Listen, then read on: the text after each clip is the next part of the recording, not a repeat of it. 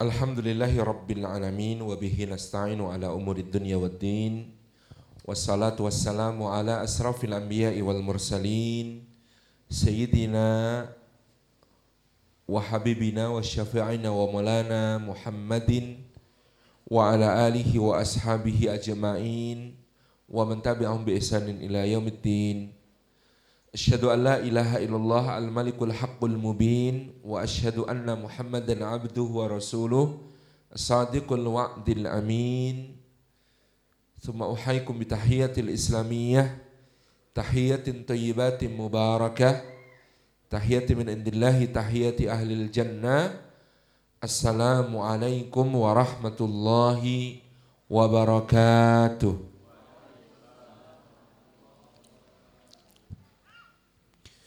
Hadrat al-afadil, para alim, para ulama, para asatid, para ustadzat, guru-guru umat, Hadrat al-mukarramin, para sesepuh, para tokoh masyarakat, para pemimpin berbagai lembaga, dan seluruh hadirin hadirat rahimani wa rahimakumullah.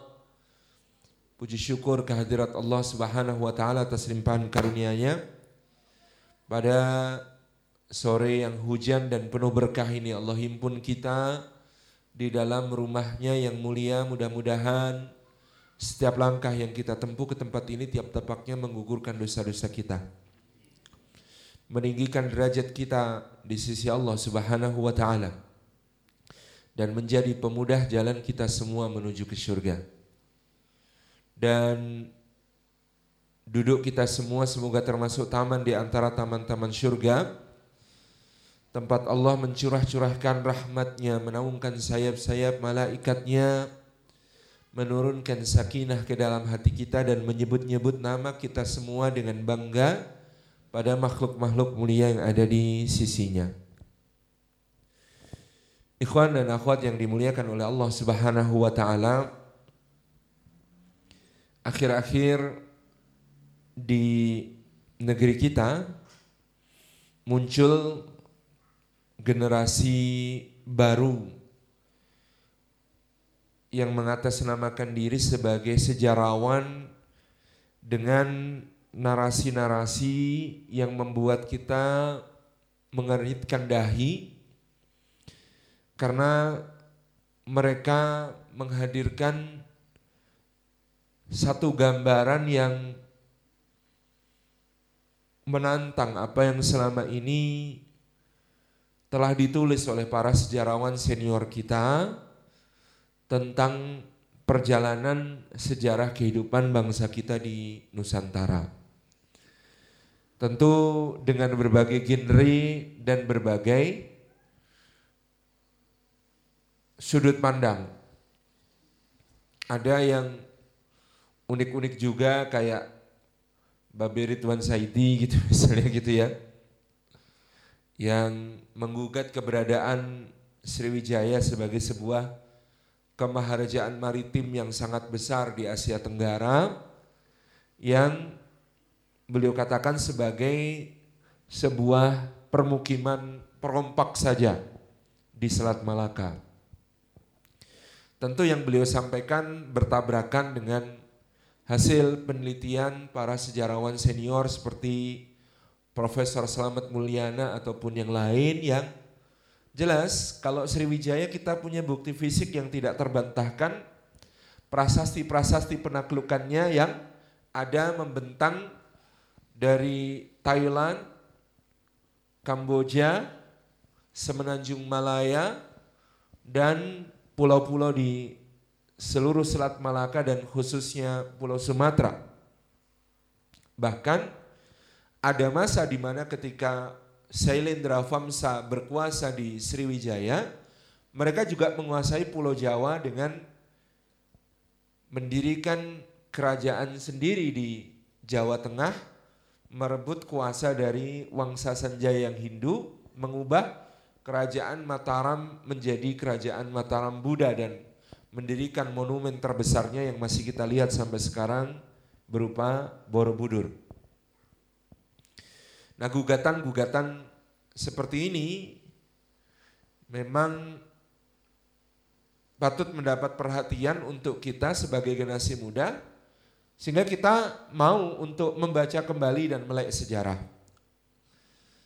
Yang berbahaya menurut saya yang akhir-akhir ini menjadi narasi, ya bukan Babe Ridwan Saidi, kalau Babe Ridwan Saidi ya kita yang membaca sumber-sumber sejarah tentu ya bercandaan aja nggak apa-apa sih be gitu kan.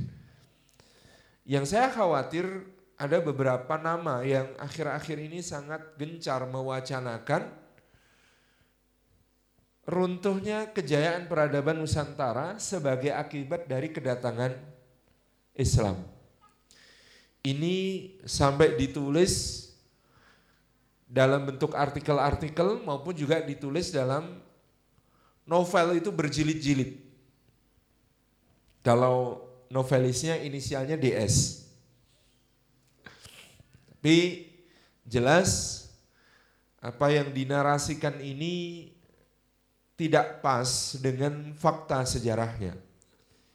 Kalau benar Islam yang menjadi sebab keruntuhan Majapahit sulit dijelaskan bagaimana penduduk Majapahit yang kalau betul-betul mencintai kerajaannya tiba-tiba secara masif convert menjadi muslimin.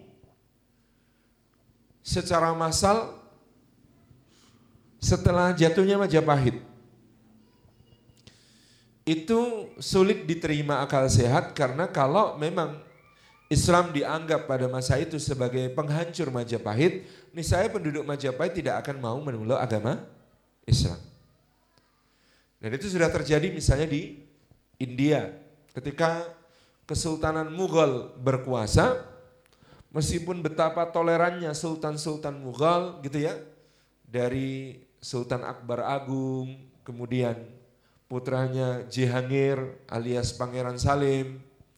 Kemudian disusul Syah Jahan yang memang ada masalah gitu ya.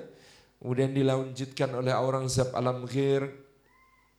Toh mereka tetap dianggap penjajah. Dan meskipun kerajaan Mughal memerintah tiga perempat anak benua India, jumlah muslimin tidak pernah beranjak lebih dari 10% di dalam wilayah anak benua India itu. Sekarang di bawah pemerintahan Narendra Modi hanya 9% penduduk negara India yang muslim. Meskipun mungkin salah satu penjelasannya sebagian muslimin India pada tahun 1947 sampai 1950 melakukan hijrah migrasi menuju ke Pakistan dan Bangladesh bergabung dengan saudara-saudara muslimnya. Jadi isu agama itu di kalangan masyarakat Hindu pastilah sangat sensitif. Kalau kemudian Islam di Majapahit dianggap sebagai penghancur kejayaan dan peradaban Majapahit yang adiluhung sulit untuk menjelaskan bagaimana kemudian justru penduduk Majapahit dengan sukarela berbondong-bondong memasuki agama Islam. Maka kita akan kembali kepada sumber-sumber yang terpercaya tentang bagaimana Islam mengalami satu percepatan dakwah yang luar biasa pada awal abad ke-15 sampai akhir abad ke-15 itu.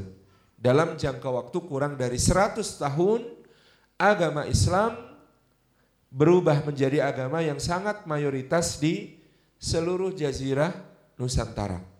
Apa yang terjadi sebenarnya pada tahun-tahun tersebut?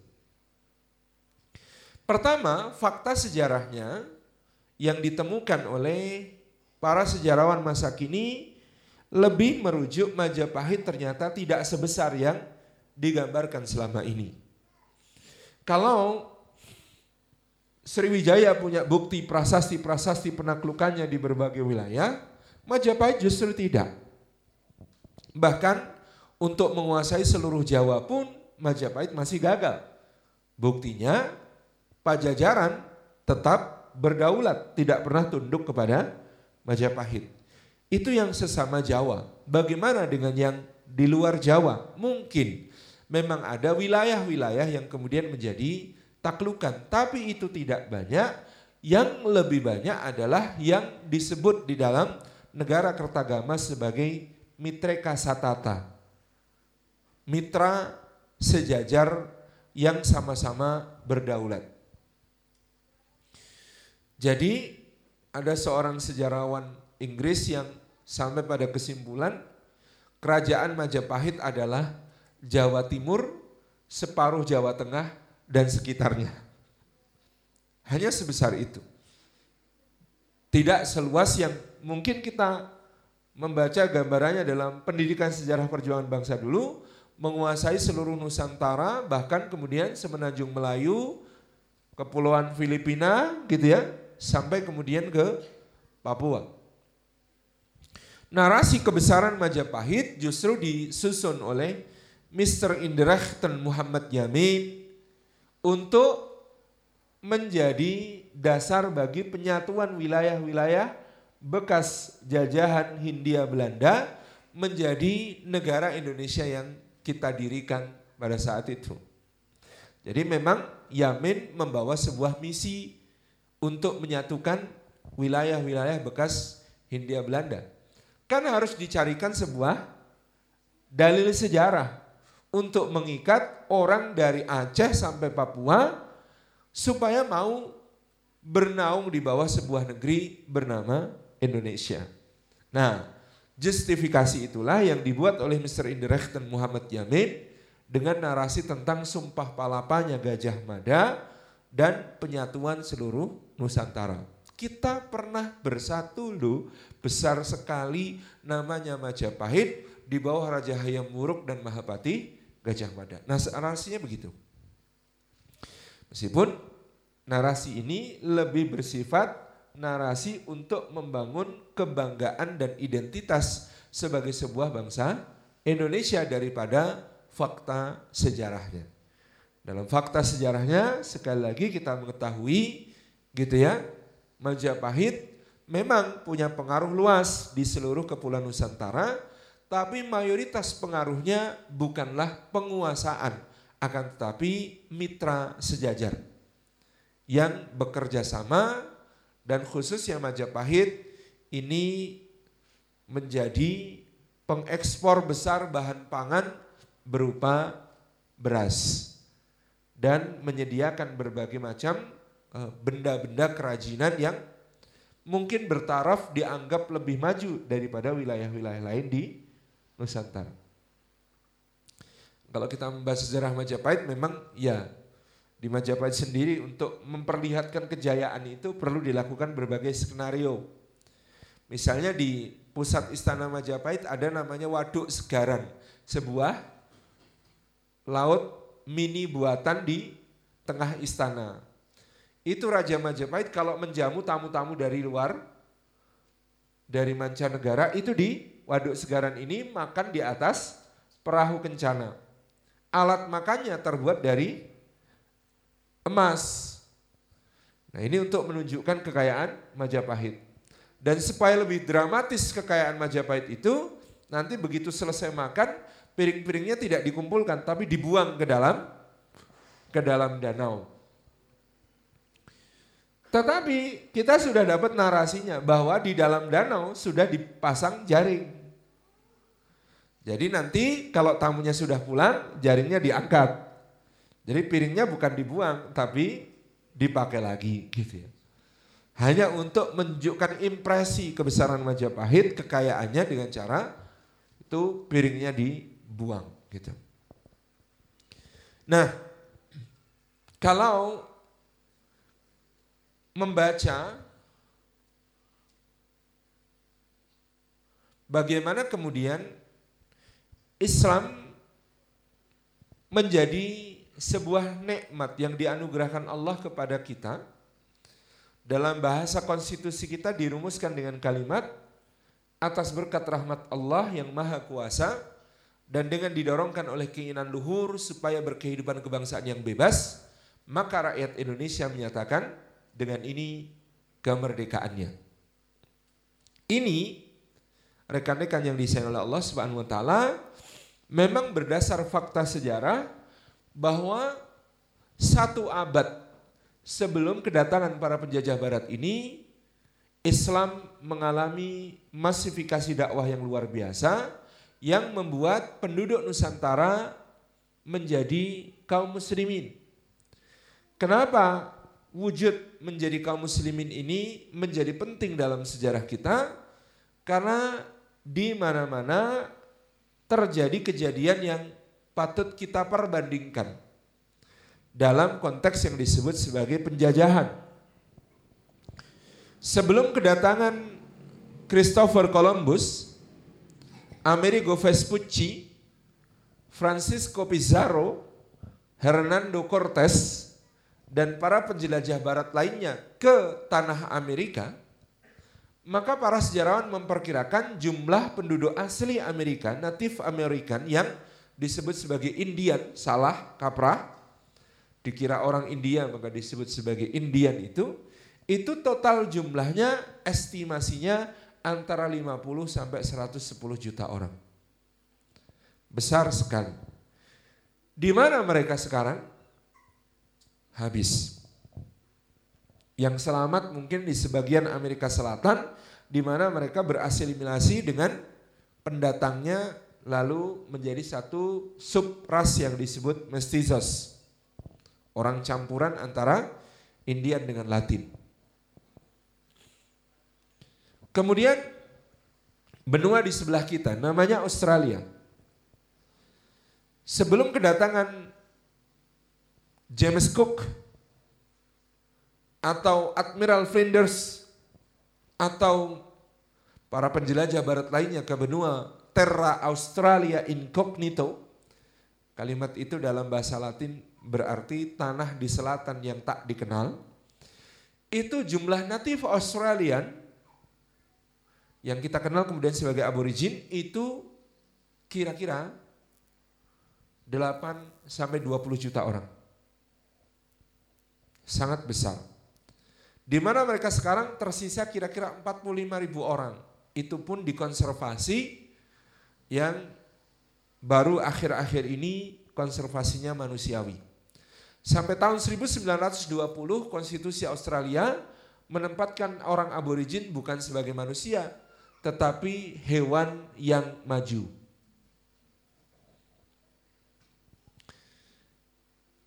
Dan coba perhatikan, dari ujung utara benua Amerika sampai ujung selatannya, bahasa apakah yang dipakai? Bahasa yang dijajah apa bahasa penjajahnya? Penjajahnya. Demikian pula di Australia.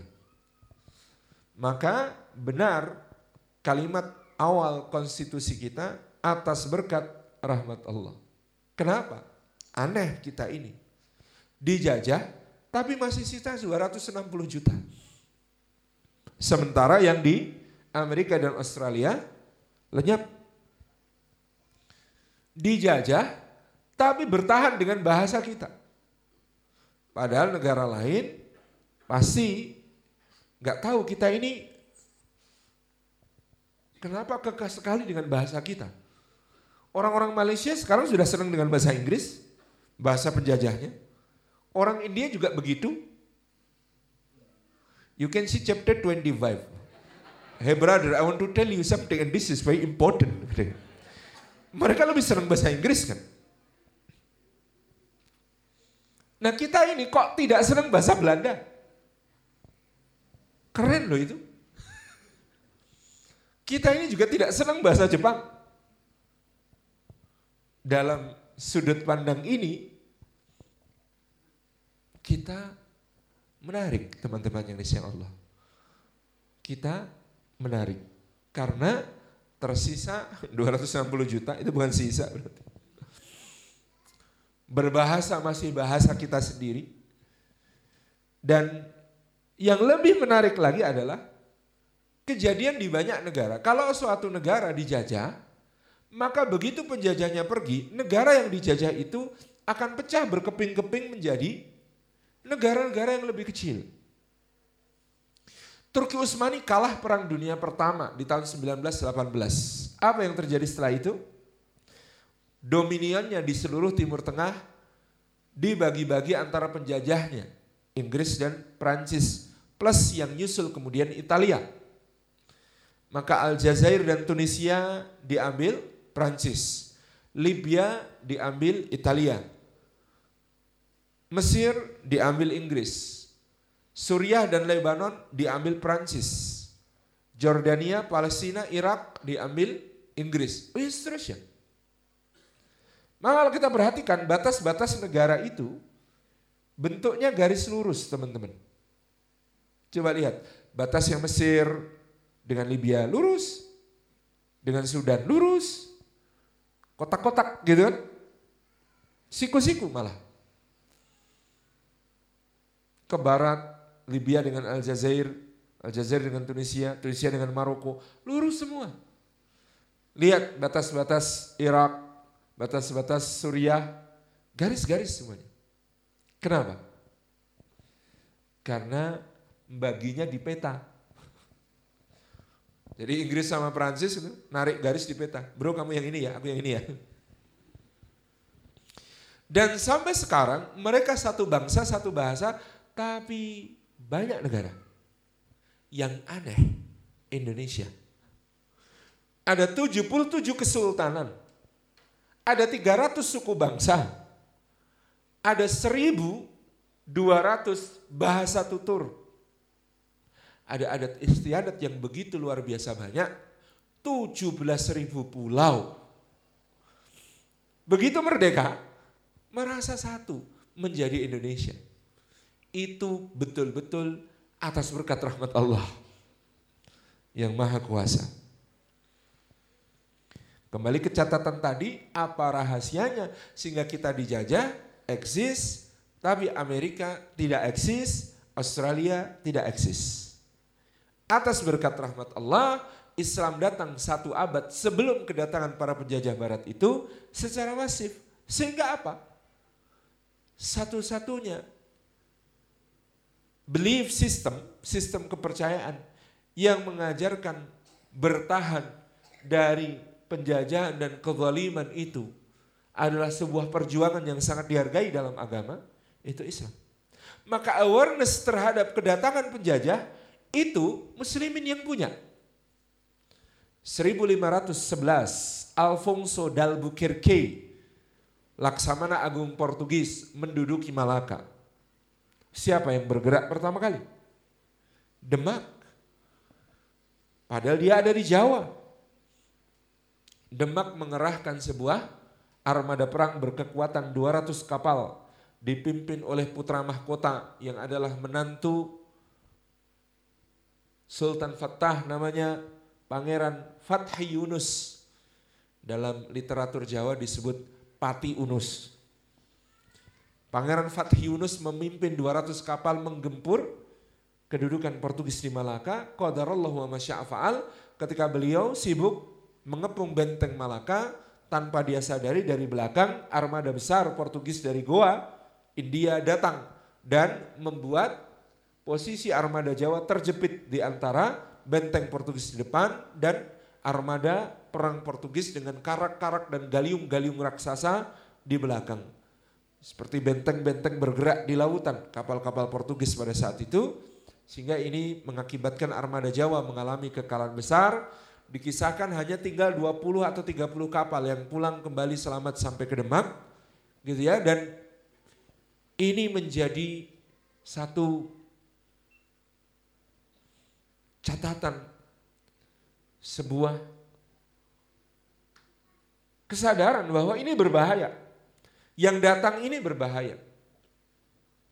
Sementara pada tahun-tahun berikutnya raja yang masih belum memeluk agama Islam di barat mengirim utusan kepada Portugis di Malaka kepada Alfonso d'Albuquerque untuk apa? Bekerja sama membangun sebuah pelabuhan besar di tempat yang waktu itu disebut sebagai pelabuhan Kalapa atau Sunda Kalapa karena pelabuhan milik orang Sunda maka disebut sebagai Sunda Kalapa.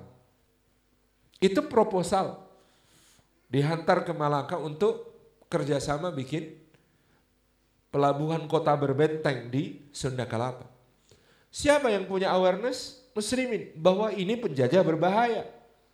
Maka seorang ulama Pasai namanya Fadilah Khan atau Fatahilah dalam literatur Sunda disebut itu bagus Pasai Fathullah. Yang menikahi dua janda Fathi Yunus. Ratu Ayu putri Raden Fatah dan Ratu Mas putri Sunan Gunung Jati. Menikahi dua janda mujahid sekaligus. Dan istri-istrinya memang mujahidah. Menyemangati suaminya juga untuk tidak takut untuk berjihad di jalan Allah.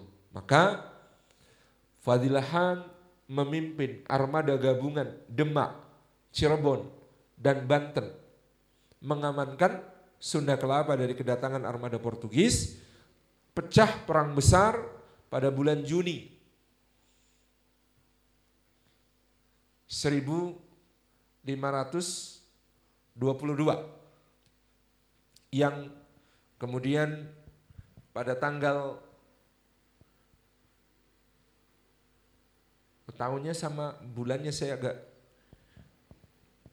tahun sama tanggalnya 22 Juni ya, 22 Juni 1500 20 20 berapa? 21 malah. Terjadi kemenangan besar armada gabungan itu yang kemudian diperingati sebagai hari lahir Jayakarta. Inna fatahna laka fatham mubina. Sesungguhnya kami telah bukakan untukmu pintu kemenangan yang gilang gemilang di bahasa lokalkan menjadi jaya karta, kemenangan yang gilang gemilang. Jadi awareness itu kaum muslimin. Bismillahirrahmanirrahim. Kopinya kalau terlalu dingin tidak enak.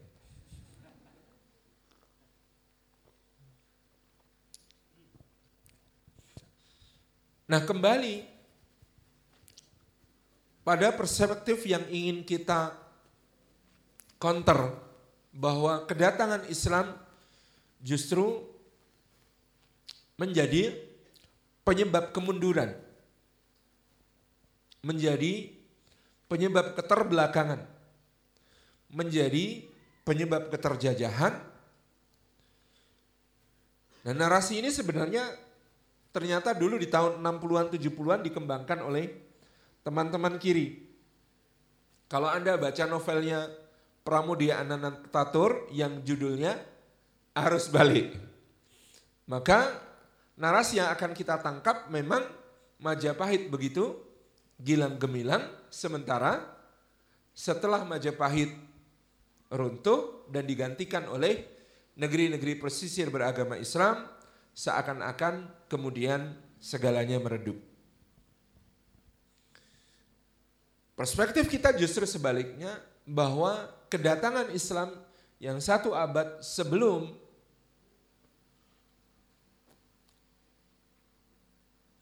kedatangan para penjajah barat ini menjadi penyelamat yang diberikan oleh Allah karena hanya kaum muslimin yang punya semangat jihad. Sehingga kita bertahan, kita eksis meskipun dijajah. Sehingga kalimat yang lebih tepat mungkin bukan Nusantara itu 350 tahun dijajah, bukan. Tetapi kalimat yang lebih tepat adalah kita ini 350 tahun berjihad melawan penjajahan. Karena jihad di Nusantara ini tidak pernah putus. Sambung sinambung meskipun padam di satu daerah muncul di daerah lain. Terus menerus sampai kemerdekaan. Gak pernah putus jihad visabilillah itu terus berkobar. Dan itulah yang memberi berkah kepada Nusantara sehingga tadi dikatakan dari negeri-negeri yang banyak bersatu menjadi negeri yang besar. Nah rekan-rekan yang disayang oleh Allah subhanahu wa ta'ala maka kita perlu memahami konteks bagaimana kehadiran Islam di Nusantara secara masif pada abad ke-15. Pada perjumpaan yang lalu kita sudah membahasnya sejak abad pertama Hijriyah, surat Maharaja Indra Warman untuk Umar bin Abdul Aziz, Kita juga sudah membahas kedatangan para sadat, para habaib, keturunan dari Alawi bin Muhammad bin Ahmad bin Isa al-Muhajir yang datang dari Hadramaut.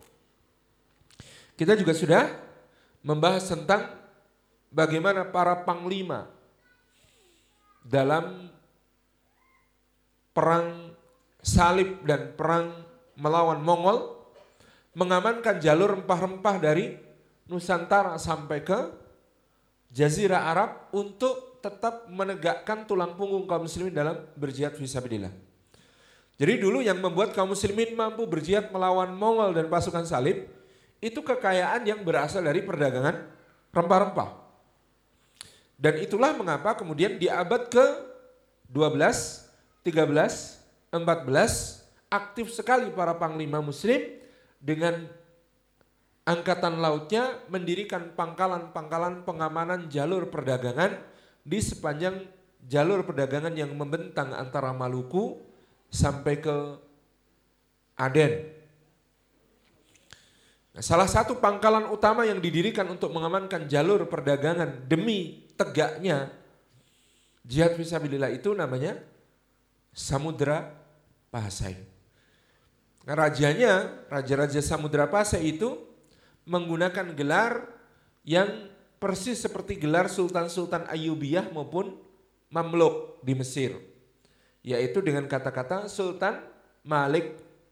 Yang kita kenal Sultan Malik As-Salih, Sultan Malik Ad-Dahir, dan seterusnya.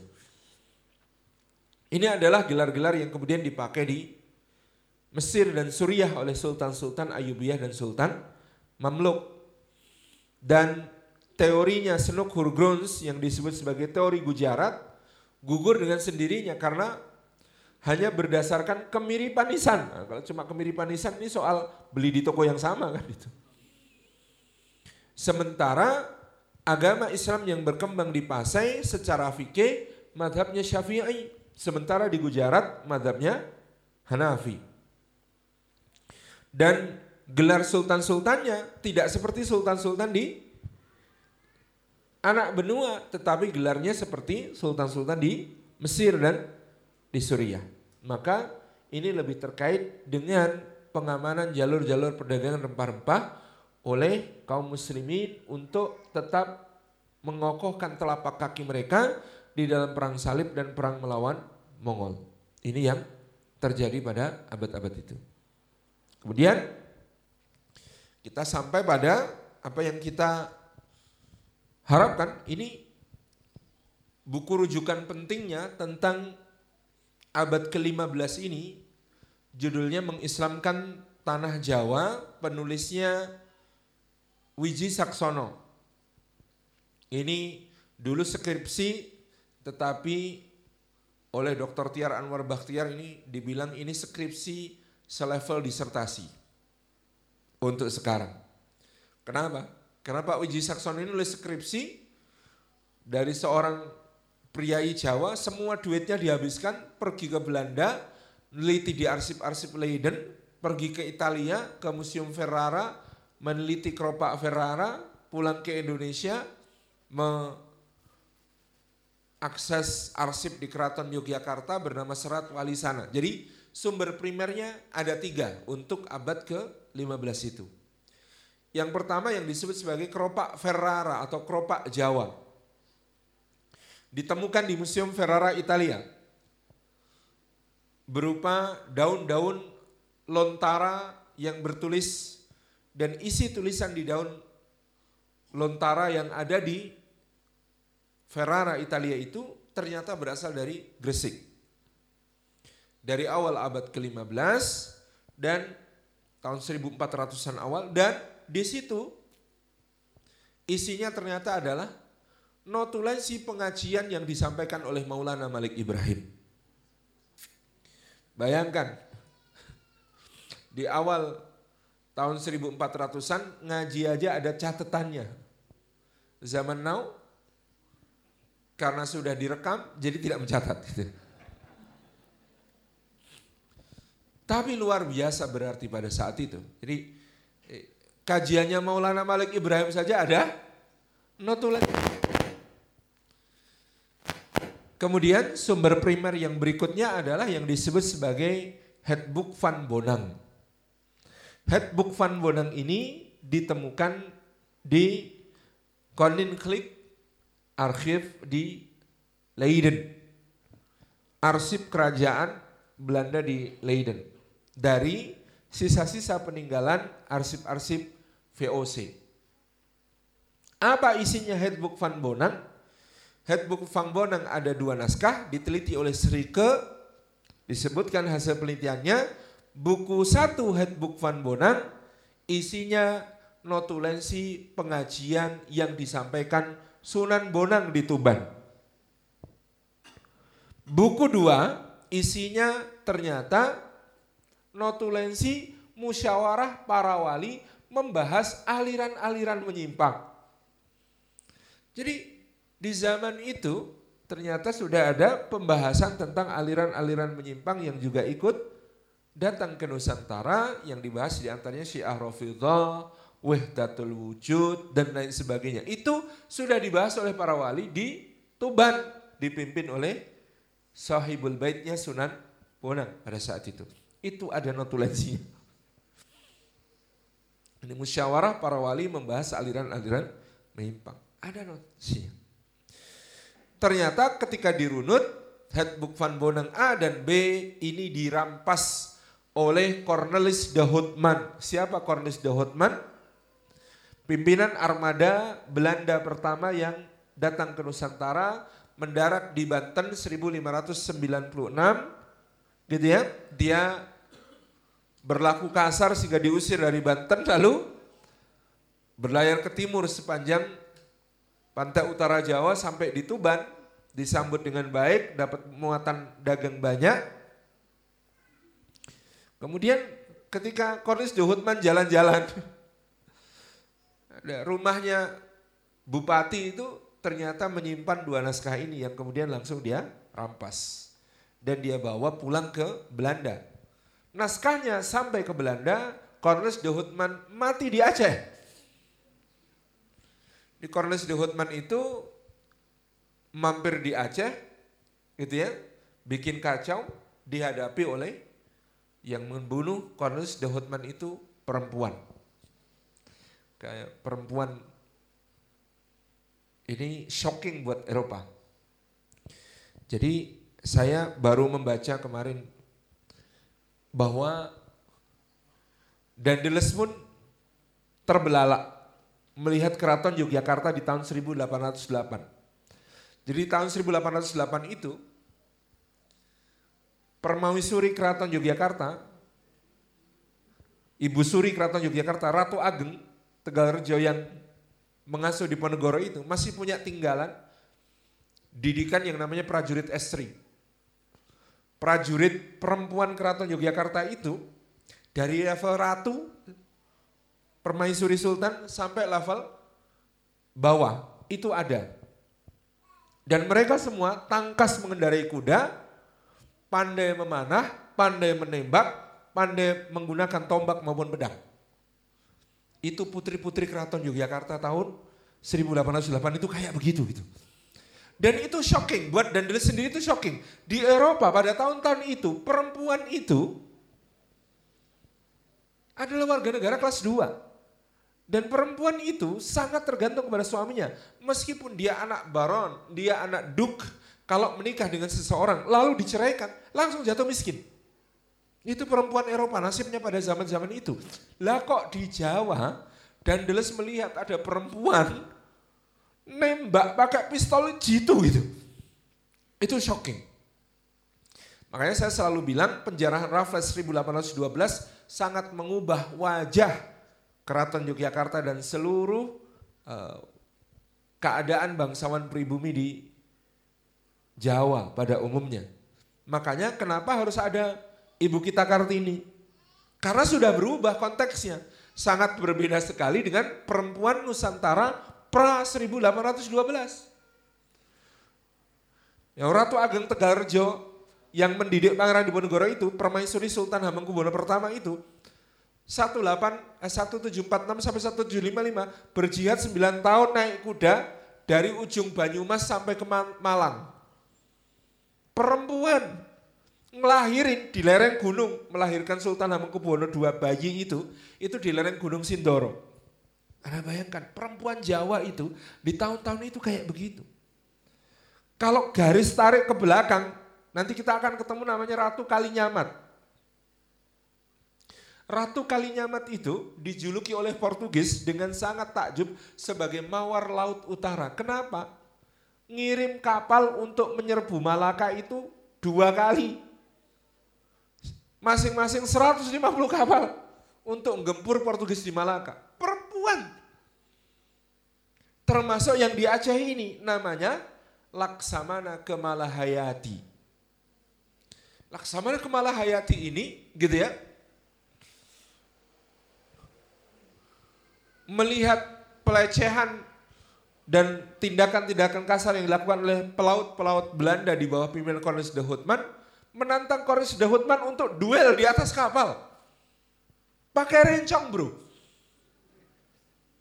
Dan Cornelis de Houtman mati ditikam tepat di jantungnya oleh Laksamana Kemalahayati yang di Aceh selain menjadi Laksamana Laut, dia adalah panglima tertinggi pasukan yang disebut sebagai Inong Bale. Apa itu pasukan Inong Bale? Pasukan yang disusun dari janda-janda para mujahid. Ngeri wanita Indonesia di abad-abad itu. Dan itu shocking buat orang Eropa, itu mengerikan buat orang Eropa. Kok bisa ada perempuan-perempuan perkasa di Nusantara seperti ini? Jadi kalau bicara soal emansipasi. Kita mengalami missing link antara tahun 1812 sampai masa Kartini. Terjadi perubahan yang sangat dahsyat dalam kultur sosial wanita. Kita diajari penjajah mulai 1812 itu bagaimana cara memperlakukan wanita. Padahal pra 1812 Islam sudah membebaskan wanita Indonesia dari belenggu menjadikan mereka sebagai Muslimah-muslimah tangguh sepanjang sejarah. Tangguh dan terpelajar. Ratu Ageng Tegalrejo itu menulis satu buku judulnya Serat Menak Amir Hamzah. Menceritakan perjuangan Sayyidina Hamzah bin Abdul Muthalib. Sekarang bukunya ada di British Library. Satu di antara 7000 buku yang dirampas secara resmi. Karena ada yang tidak di Ya ada yang dirampas secara tidak resmi. Ini yang dirampas secara resmi itu masih ada 7000 buku di British Library yang berasal dari Keraton Yogyakarta. Salah satunya ini ini Serat Menak Amir Hamzah yang diatributkan penulisannya kepada Ratu Ageng Tegalrejo. Tebalnya berapa teman-teman? 3040 halaman. Anda bayangkan wanita di abad itu naik kuda oke, okay, nembak oke, okay, manah oke, okay, nulis buku oke. Okay. Salim Afila nggak ada apa-apanya. Coba bayangkan, kayak apa terpelajar, cerdas, tangkas, tangguhnya wanita di zaman itu. Dan itu terhapus sejak, sejak 1812 ketika Pustaka Keraton Yogyakarta diangkut oleh Raffles ke Inggris. Berpeti-peti bergerobak-gerobak, berkereta-kereta diangkut. Sama dengan Baghdad di tahun 1258 ketika dihancurkan Mongol. Buku-bukunya diguang ke sungai Tigris sampai sungai Tigris berubah warnanya menjadi hitam airnya. Gelap karena tinta dan memerah karena darah orang-orang yang disembelih. Sejak saat itu dunia Islam kehilangan referensi peradaban. Maka kalau sebuah bangsa kehilangan referensi peradaban apa yang terjadi? Dia manut sama yang lebih kuat. Manut sama penjajahnya. Maka saya itu sering mengatakan keraton yang kita lihat hari ini sangat berbeda dengan keraton yang dilihat oleh Pangeran Diponegoro. Karena sebelum 1812 referensi peradabannya sangat kokoh. Itu ditulis oleh mereka. Literasinya luar biasa. Wong ibunda Pangeran Diponegoro saja nulis buku Raden Ayu Mangkorowati. istrinya Pangeran Diponegoro Raden Ayu Ratnaningsih nulis buku. Pangeran Diponegoronya nulis 1100 halaman buku Baba Diponegoro, 150-an halaman serat risalah menjabarkan iman Islam ihsan dan menulis serat Cariosing Ratu ing Tanah Jawi kira-kira 200-an halaman. Dan judulnya sih serat Cariosing Ratu ing Tanah Jawi. Sejarah cerita raja-raja di Tanah Jawa. Tapi dibuka pembahasannya dengan Nabi Adam. Jadi nasab dari Nabi Adam diuraikan ke bawah dengan segala kisah-kisah yang kemudian ada dalam Al-Quran dan hadis oleh beliau. Literate sekali zaman itu. Jadi sekali lagi, yang diperjuangkan Kartini itu karena sudah 100 tahun kegelapan. Dan kegelapannya itu belum lama, baru 100 tahun. Di abad-abad sebelumnya wanita-wanita sangat luar biasa. Kembali ke cerita Laksamana ke Malahayati. Bayangkan seorang perempuan menjadi Laksamana mengepalai armada perang kerajaan Aceh yang berkekuatan 400 kapal perang. Ada zaman sekarang Laksamana wanita mengepalai 400 kapal perang? Enggak pernah terjadi lagi dalam sejarah. Dan itu Nusantara yang mengukirkan.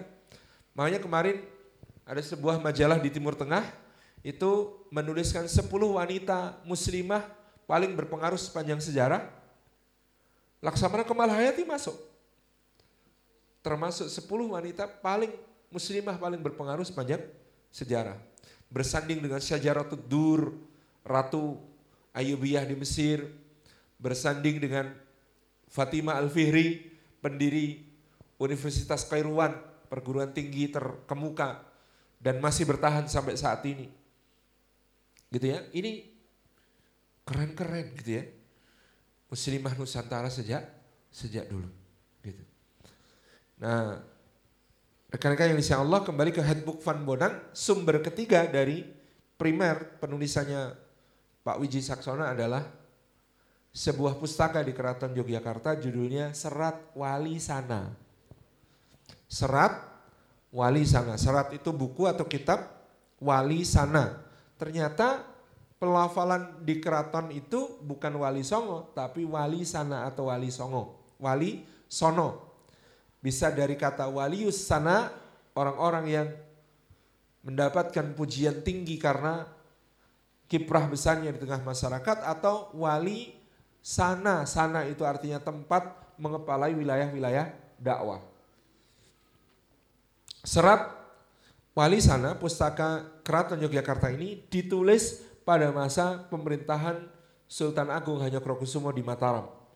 Hanya selisih kira-kira 150 tahun dari kiprah para wali itu sendiri. Jadi Sultan Agung memerintahkan penulisan sejarah perjuangan para wali dari sumber-sumber yang ada pada zaman tersebut.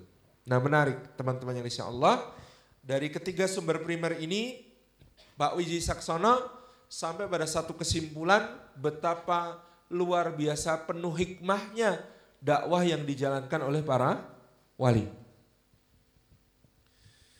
Jadi kita bisa membayangkan sekarang trackingnya kan sudah sampai pada kesimpulan Maulana Malik Ibrahim itu orang Azerbaijan. Makanya sekarang kedutaan besar Azerbaijan di Jakarta itu memajang lukisan wajahnya Maulana Malik Ibrahim. Tahu Azerbaijan itu di mana? Lihat peta dunia, fokus ke Turki, geser mata ke arah timur dari Turki, naik ke atas sedikit. Nah di situ Azerbaijan. Jauh wow, perbatasan antara Asia dengan Eropa dalam sekali di tepi Laut Hitam. Dari orang Azerbaijan dia pergi ke Mesir. Tiba di Mesir, belajar di Al-Azhar. Maulana Malik Ibrahim kemudian tertarik sekali pada sebuah buku yang ditulis kira-kira seabad sebelumnya oleh seorang pengelana agung bernama Ibnu Batutah. Buku yang diberi judul Ar-Rihlah itu mempesonanya sedemikian rupa sehingga dalam hatinya tumbuh tekad baja. Negeri yang dikenalkan Ibnu Battuta ini masih banyak yang belum beragama Islam. Tugasku berdakwah ke sana. Dia tamatkan pelajarannya lalu dia berlayar ke timur menuju ke negeri Nusantara. Dua tahun saudara-saudara dari Mesir perjalanannya ke Nusantara karena nunggu angin, nyambi kerja dulu biar uang sakunya cukup, dan lain sebagainya. Hingga tibalah orang mulia ini di sebuah pelabuhan yang disebut sebagai Gresik. Ketika dia tiba, tepat pada saat Majapahit sedang dalam keadaan porak-poranda akibat perang saudara. Perang saudara ini disebut sebagai perang Paragrek di antara menantu Hayam Wuruk dengan anaknya dari Selir.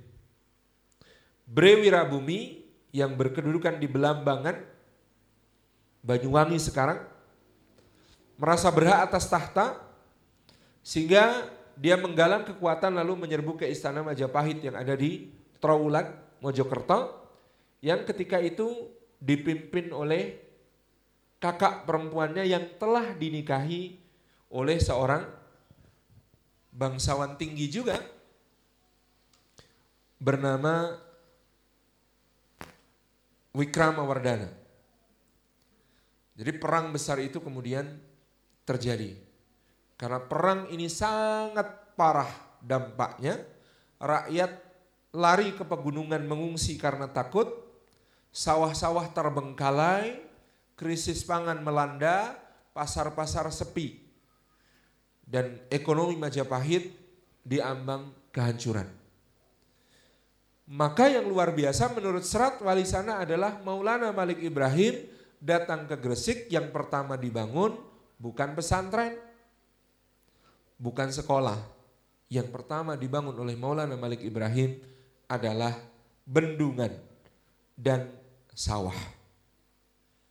Dia mengatur air sedemikian rupa sehingga sawah-sawahnya Maulana Malik Ibrahim bisa panen dua kali setahun dan hasil panennya langsung disumbangkan kepada kerajaan untuk dibagi-bagikan kepada rakyat.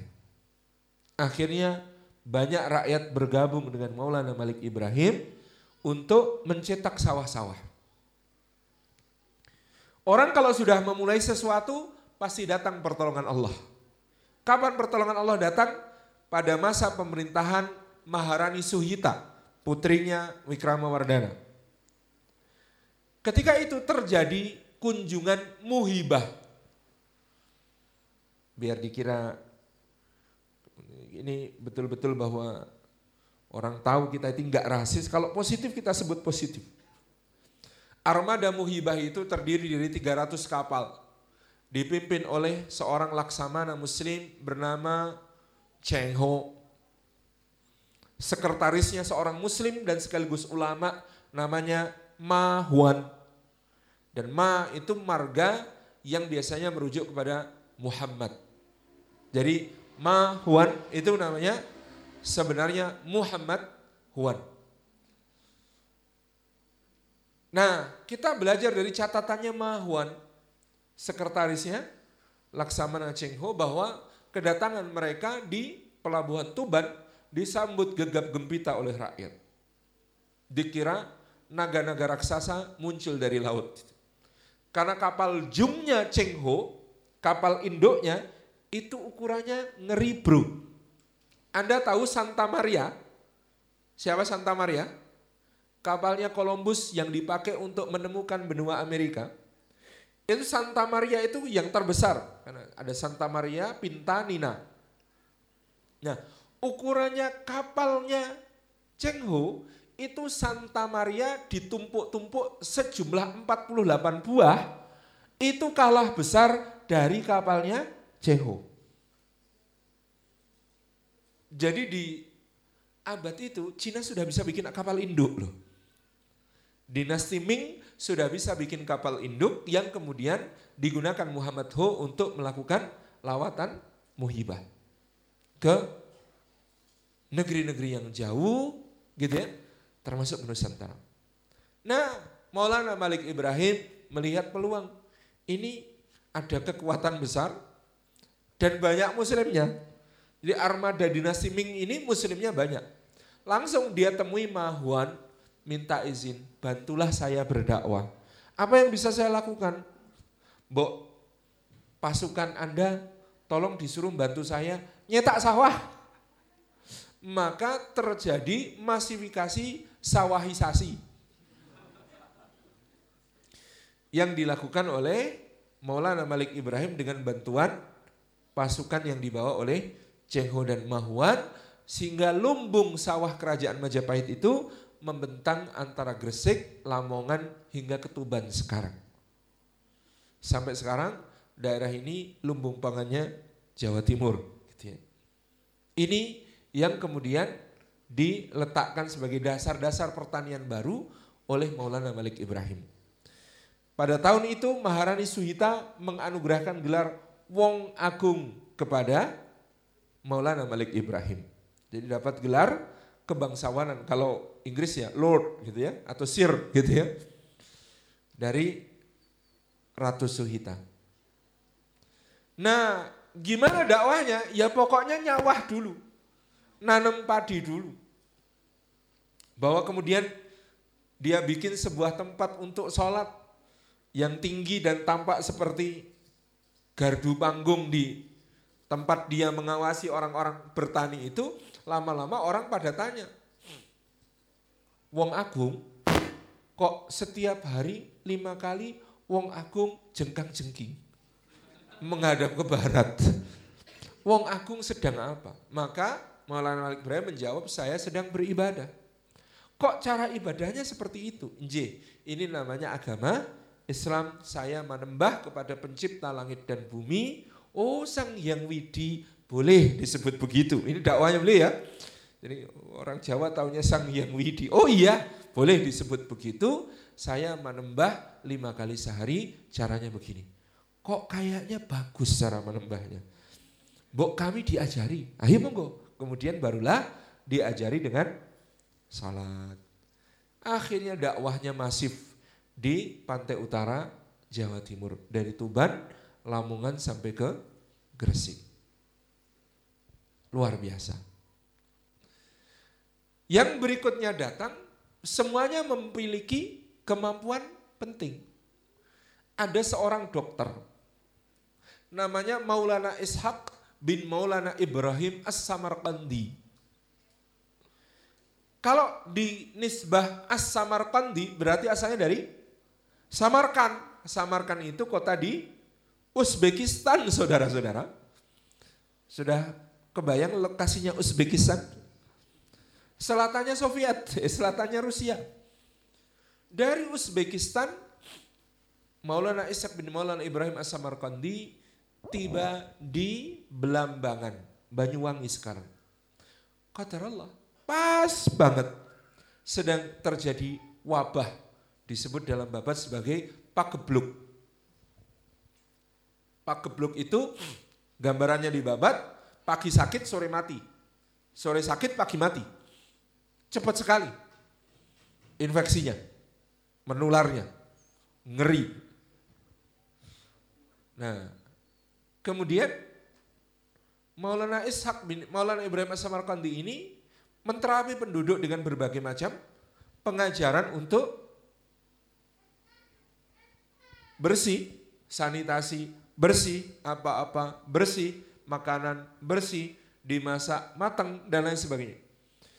Kemudian ternyata putri Raja Menak Sembuyu namanya Dewi Sekardadu juga sakit. Raja mengadakan sayembara. Siapa yang bisa menyembuhkan putriku maka kuangkat jadi menantu gitu kan. Klasik banget ya. Tampilah Maulana Ishak disembuhkan atas izin Allah dengan mungkin tibu nabawi gitu ya. Selesai sembuh, sang raja memenuhi janjinya, dinikahkanlah keduanya. Sang istri kemudian menjadi muslimah. Dan awal-awal gitu ya, sang raja senang-senang saja dengan menantunya yang muslim ini. Lama-kelamaan karena ada orang yang dengki, bisik-bisik ke sana kemari, kasak kusuk, akhirnya sang menantu ini diusir pergi. Anaknya lahir, diberi nama oleh sang kakek Raden Paku. Eh, kok ya ada tukang nujum istana yang jahat mengatakan jangan pelihara anak ini karena akan menjadi bencana. Maka anak itu kemudian dilarung ke lautan. Ditemukan oleh sebuah kapal dagang milik Nyai Ageng Pinatih orang Gresik. Kemudian dibawa ke Gresik, dididik, dikirim ke Pasai untuk belajar agama, pulang ke Gresik, jadilah dia Raden Paku ini diberi nama Maulana Ainul Yakin karena sudah ketahuan siapa ayahnya ketemu di Pasai ternyata gitu ya. Dan kemudian dia pulang menjadi Maulana Ainul Yakin, dia diberi bekal oleh ayahnya tanah. Apa ini ayah? Nanti kalau kamu mau berdakwah, cari tempat sebagai markas dakwahmu, tanah yang persis dengan tanah ini. Cari-cari-cari ketemu di sebuah perbukitan di luar kota Gresik dan itulah yang sekarang disebut sebagai Giri Kedaton. Maka beliau disebut sebagai Sunan Giri. Rajanya para ulama Nusantara. Tome Pires seorang pengelana Portugis sempat mengunjungi Gresik dan melihat Kedaton Giri di dalam Summa Oriental yang ditulisnya dia menyampaikan kesaksian Sunan Giri itu seperti paus di Eropa. Raja-raja Eropa itu dianggap belum sah kalau belum diurapi oleh paus di Roma. Nah sama, Sultan-Sultan Nusantara itu dianggap belum sah kalau belum diberkahi dengan didoakan Sunan Giri saat pelantikannya. Ini yang disampaikan oleh Tommy Perez dalam Summa Oriental. Jadi memang ternyata pada saat Tommy Perez mengunjungi Giri, itu putra Raja Ternate, putra Raja Tidore, putra Raja Luwu, putra Raja Banjar, putra Raja Palembang, putra Raja Jambi, itu semuanya sedang jadi santri di situ. Oh ini dari mana? Saya putra mahkota Jambi. Wih mantap gitu ya. Saya putra mahkota Ternate. Saya putra mahkota Tidori. Santrinya Sunan Giri itu putra mahkota, putra mahkota. Enggak sembarangan gitu. Kemudian balik ke masa yang lebih tua, datang namanya Maulana Abdurrahim Al-Maghribi. Kalau kalimatnya Al-Maghribi asalnya berasal dari Maroko. Dia seorang berber berkulit kehitaman, berbadan besar. Keterampilannya rukyah. Jadi Maulana Abdurrahim Al-Maghribi ini disebut sebagai mu'alijnya Nusantara, perukyahnya Nusantara saat itu. Berhadapan dengan tukang sihir, tukang santet, dukun, tempat-tempat keramat, serem-serem gitu ya, semuanya dirukyah sama beliau. Apa-apa dirukyah sama beliau. Maulana Abdurrahim Al-Maghribi adalah kakek Sunan Kalijaga dari jalur ibu. Jadi Sunan Kalijaga itu ada jalur Maroko. Sudah maghrib kah? Belum? Mbok sudah. Masih berapa menit maghribnya? Ah masa? Udah gelap kok. Kan patokannya gelap.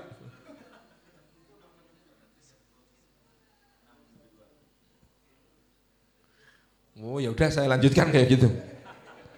Bismillah. Sudah. Terasa nyaman saya dengar suara kayak mau adzan itu. Nah, rekan-rekan yang insya Allah subhanahu wa ta'ala, apa yang terjadi berikutnya? Maulana Abdurrahim Al-Maghribi ini nanti akan diabadikan oleh cucunya, Sunan Kalijaga sebagai salah satu tokoh dalam film animasi pertama di dunia yang diciptakannya. Nama film animasi itu Wayang Kulit. Itu film animasi pertama di dunia.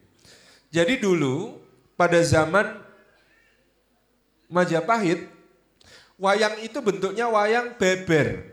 wayang beber itu digambarnya per adegan. Kalau per adegan kan butuh banyak banget itu.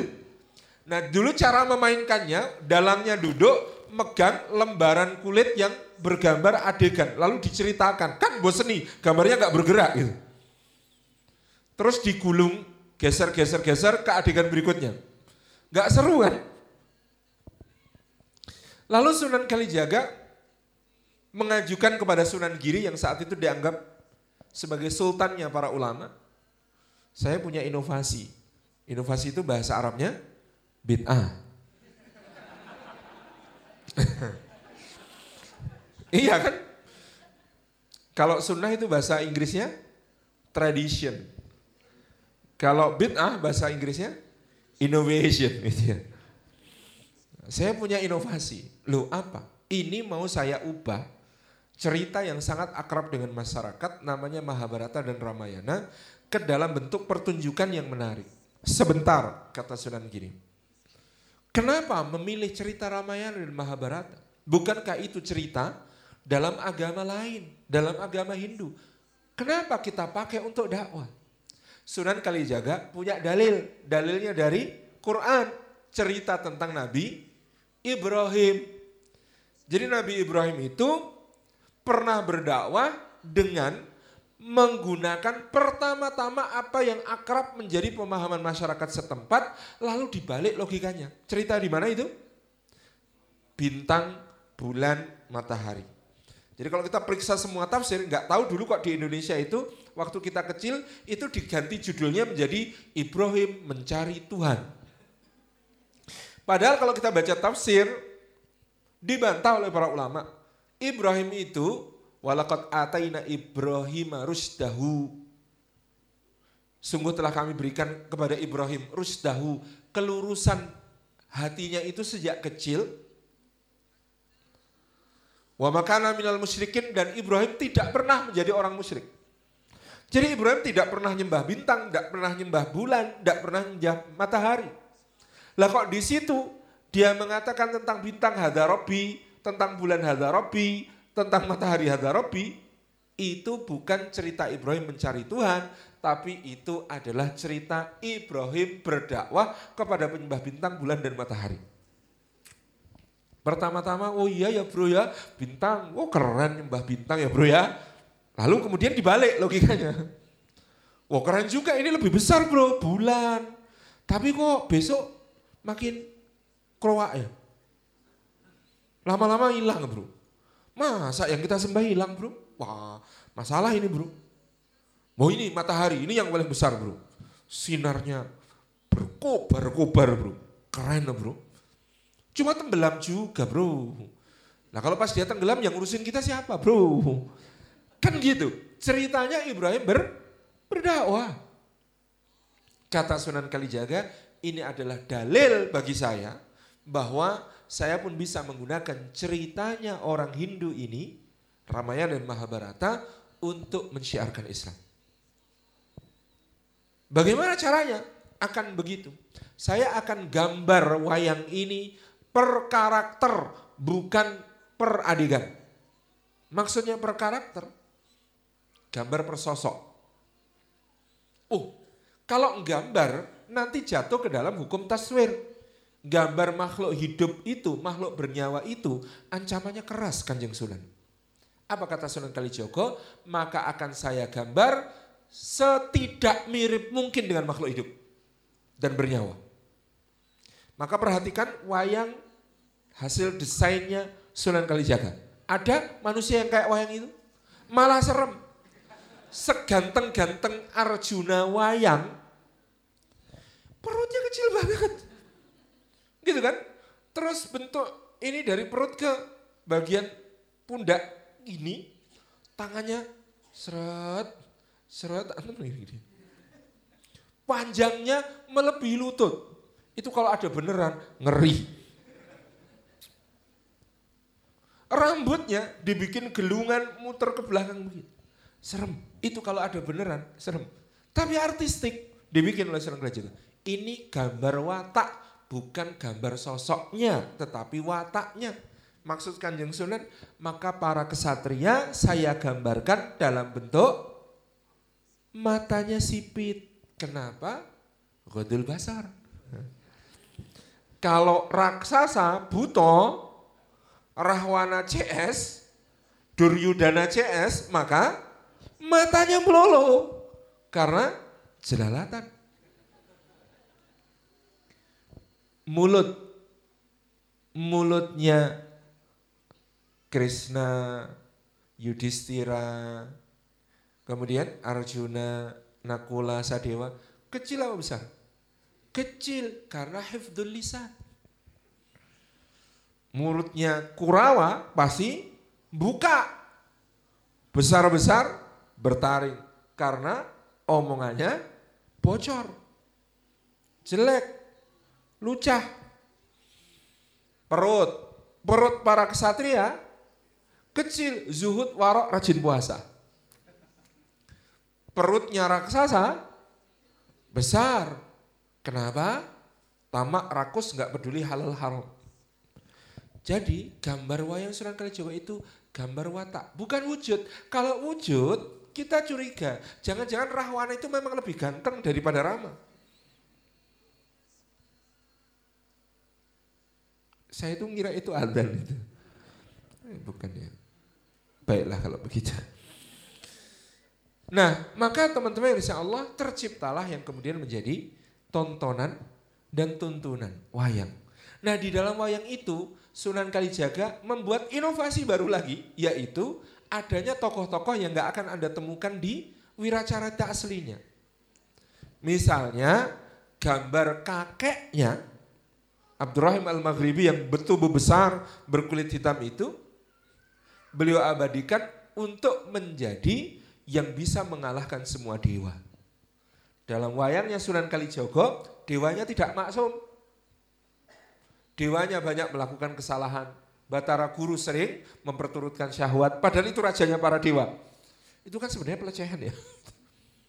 Tapi dibikin smooth sekali ceritanya di situ yang bisa mengalahkan dewa-dewa di antaranya adalah Semar. Kenapa? Karena Semar adalah perwujudan dari Maulana Abdurrahim Al-Maghribi, tukang rukyah, dewa Jawa, di rukyah, kalah gitu pusaka tertinggi, terhebat di dalam pewayangan kemudian disebut sebagai kalimosodo, kalimatus syahadatain. Jadi orang kalau sudah kalimatus syahadatain, the best, terhebat, maka Sunan Kalijaga keliling mengadakan pertunjukan. Dulu pertunjukan itu elit hanya dinikmati para bangsawan, sekarang wayang bisa ditonton semua orang. Sayangnya bayar, kalau mau nonton, bayar. Bayarnya apa? Dituntun oleh Sunan Kalijogo sendiri mengucapkan kalimat ashadu alla ilaha illallah wa ashadu anna muhammadar rasulullah. Naksani engsun boten wonten pangeran kejawi Gusti Allah lan Nabi Muhammad utusanipun Gusti Allah. Gitu. Lah nanti begitu di pertunjukan wayang, pertunjukan wayang ada temanya. Temanya makna syahadatain. Maka yang nonton baru sadar, Loh, lah kita sudah pindah agama.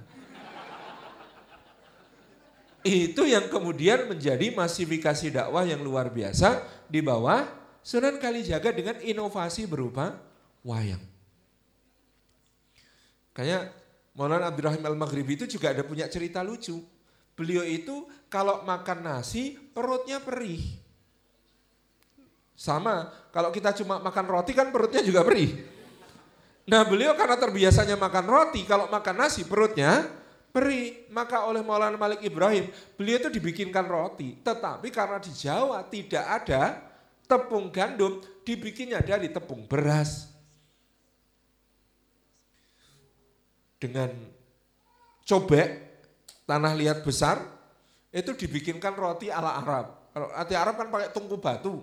Karena di Jawa tidak ada tungku batu, dibikinnya pakai Anglo yang kemudian diberi cobek tanah liat. Jadi roti Arab pakai adonan Jawa. Belebak gede, bunder. Nah, dalam bahasa Gujarati disebut apam. Maka orang Jawa kemudian menyebutnya apem. Tetapi apemnya bukan apem yang dijual di pasar yang kecil-kecil itu. Anda kalau bulan Syakban besok lihat atau googling apem mustoko. Namanya apem mustoko di Keraton Yogyakarta. Itu gedenya segini. Nah itu apem asli yang dulu dibikin oleh Maulana Malik Ibrahim untuk membekali Maulana Abdurrahim Al-Maghribi. Lucu sekali. Di waktu lain datang seorang ulama dari disebutkan dalam babat tanah Jawi dari Cempo. Nah, Cempo ini sekarang perdebatan para sejarawan. Apakah Cempo yang dimaksud adalah Campa di Kamboja yang sampai sekarang masih ada komunitas muslim kecil di sana tapi keislamannya juga aneh kalau di Campa itu kemarin ada laporan di uh, investigasi di sana itu muslim Campa itu baik sholat maupun puasa itu bisa diwakili oleh ulamanya dengan cara bayar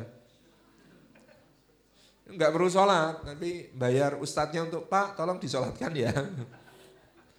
Puasa juga begitu, yang puasa juga cuma pemuka agamanya. Rakyatnya bayar. Ataukah jangan-jangan yang dimaksud cempo oleh babat adalah jempa. Anda tahu jempa? Di manakah wilayah itu yang disebut jempa? Di Aceh.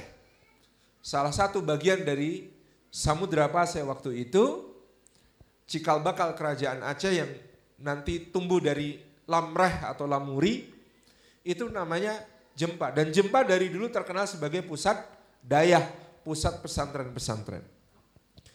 Orang ini namanya Maulana Ahmad Rahmatullah datang ke Majapahit, akhirnya yang beliau lakukan bukan mendirikan pesantren tapi mendirikan sekolah tata negara. Sekolah tata negara ini dibikin di Ampel Denta di kota Surabaya sekarang.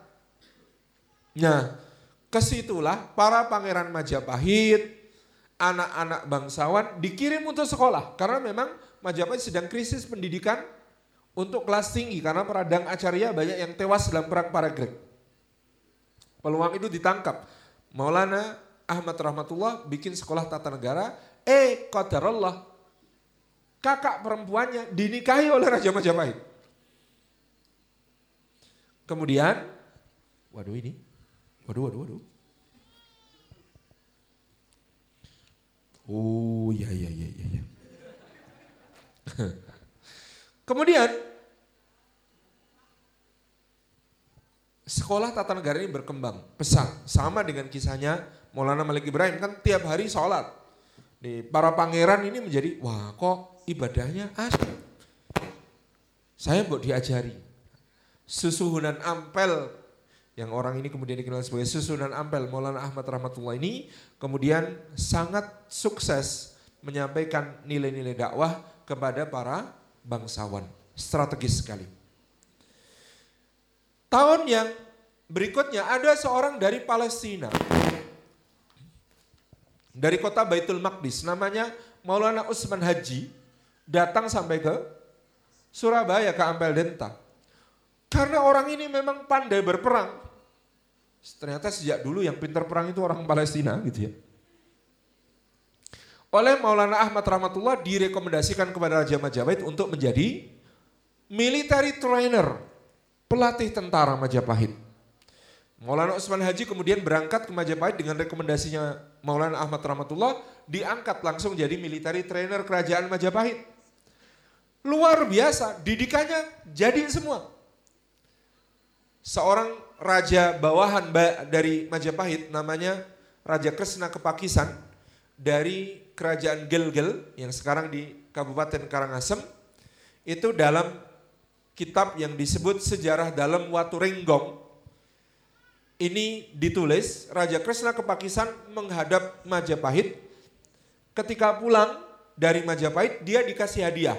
Hadiahnya berupa 60 prajurit terbaik untuk mengawalnya pulang ke Bali. Dan 60 prajurit terbaik ini dalam sejarah dalam Watu Renggong di Bali disebutkan semuanya nyama selam. Nyama artinya saudara, selam artinya Islam. Inilah 60 muslim pertama di Bali, prajurit terbaik Majapahit yang dihadiahkan semuanya didikan Maulana Usman Haji. Maulana Utsman Haji punya anak laki-laki masih kecil waktu itu namanya Sayyid Ja'far Sadiq. Ketika dewasa dia diperintahkan berdakwah di pantai utara, maka dia bikin masjid saking rindunya sama tanah kelahiran, masjidnya diberi nama sama dengan masjid di tanah kelahirannya. Masjid suci ketiga umat Islam namanya Masjid Al-Aqsa. Di samping masjid itu dia membangun menara yang sangat cantik, bentuknya seperti candi Hindu. Kemudian kota tempat dia tinggal ini akhirnya diberi nama dengan kota kelahirannya.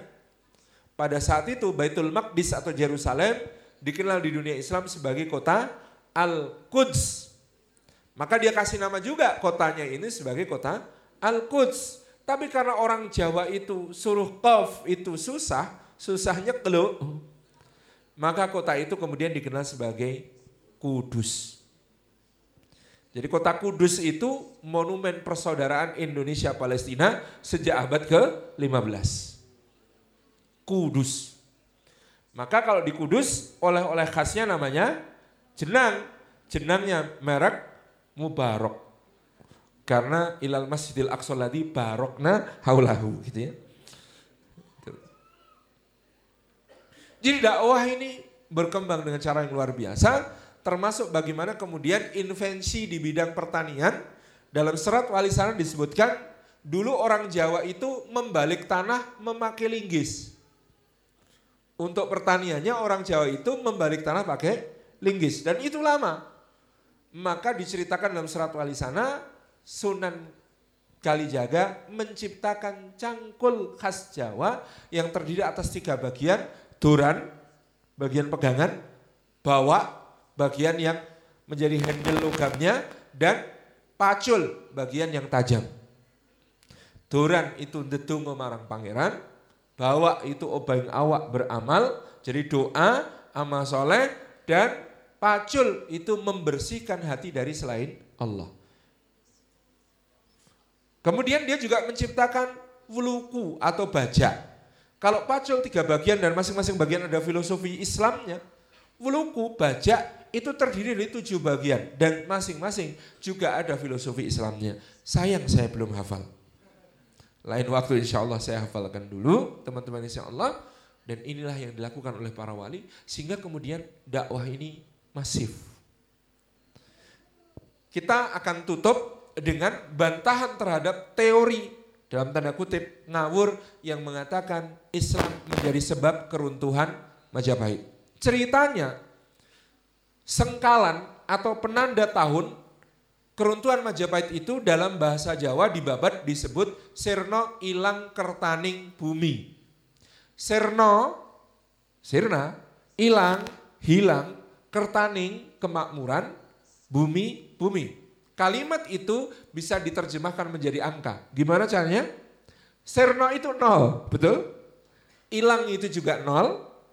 Kertaning Kemakmuran itu empat. Bumi, bumi ada berapa? Satu.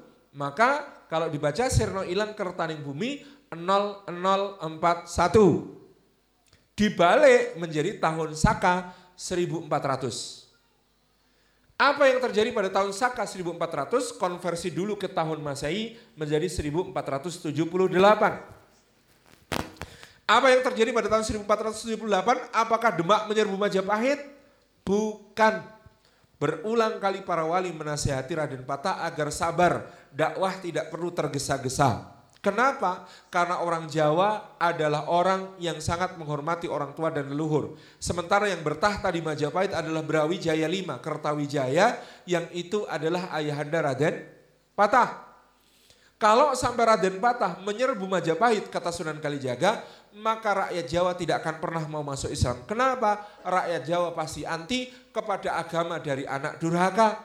No way, kata Sunan Kalijaga. Jangan menyerbu Majapahit. Terjadi penyerbuan ke Majapahit, kudeta yang sangat luar biasa tahun 1478. Tapi siapa yang mengkudeta? Muslim? Bukan. Sesama Hindu namanya Girindra Wirdana Diah Ranawijaya dari Keling. Dari Kediri mengkudeta Raja Brawijaya V yang bertahta di Trawulan, Mojokerto. Jadi kudeta dari Kediri ke Mojokerto, agak dekat itu. Kudeta terjadi, Brawijaya Lima, melarikan diri ke Gunung Lawu. Kemudian siapa namanya? Girindrawardana mengangkat dirinya menjadi Raja Majapahit yang baru dengan gelar Brawijaya VI. Brawijaya VI ini bingung terhadap perkembangan Islam. Maka dalam babat disebutkan dia bikin keris pusaka namanya condong campur.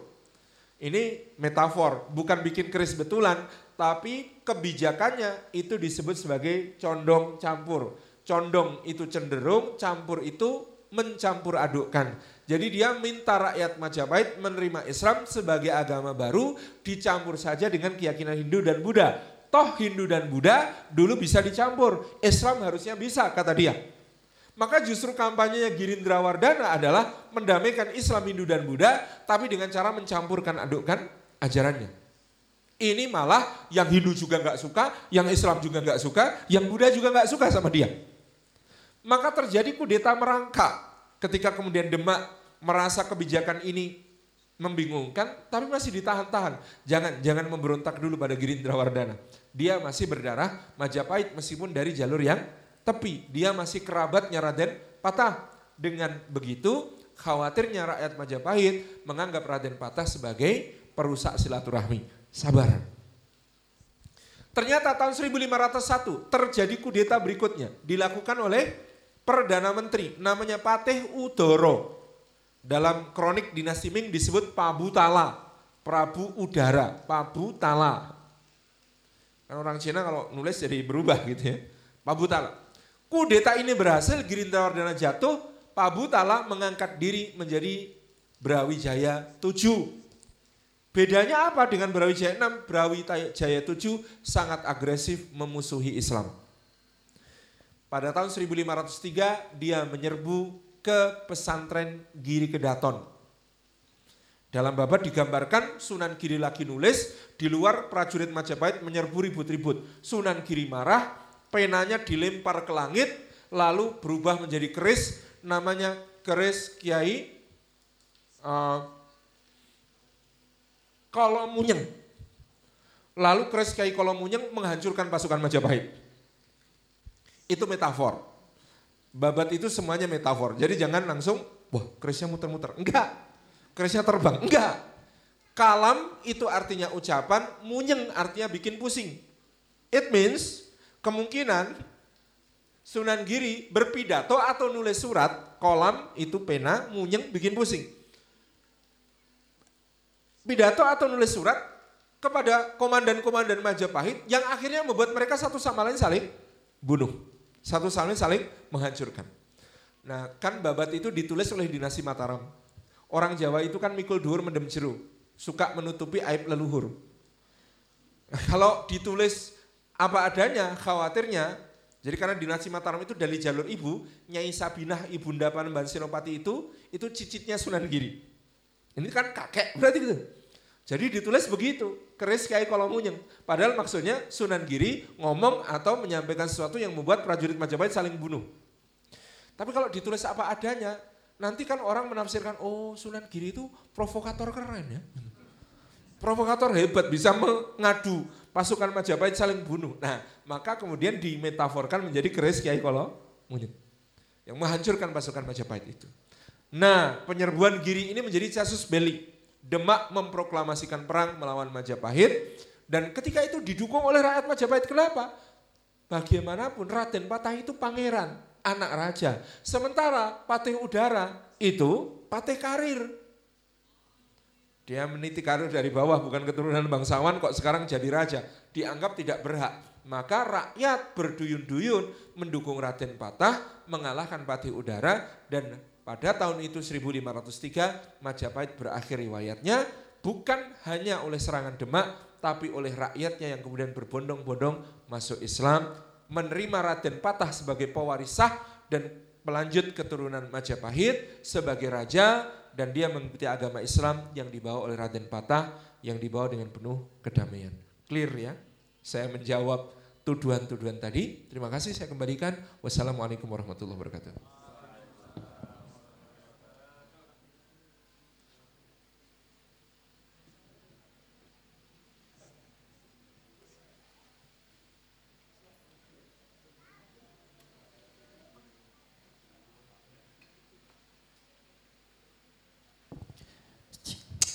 Bismillah, mangga yang ada yang mau bertanya? Berapa pertanyaan Ustaz? Dua, ya. dua pertanyaan.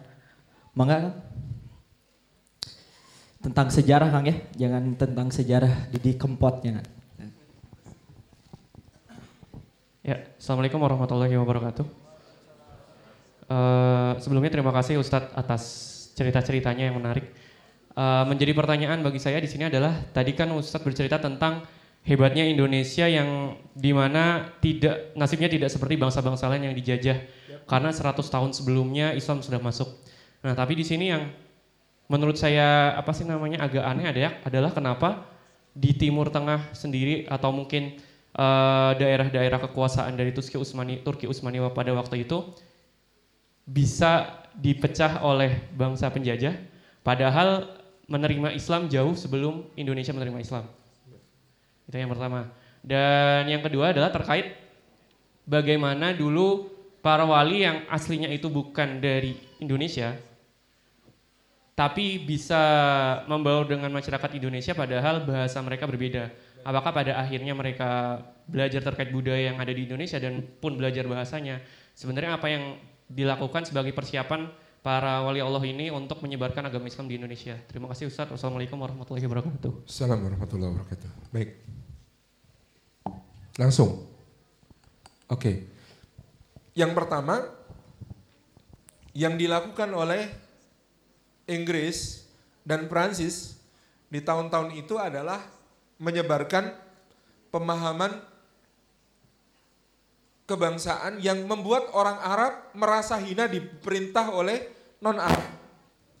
Kalian ini gimana sih wong agama Islam itu dari kalian loh.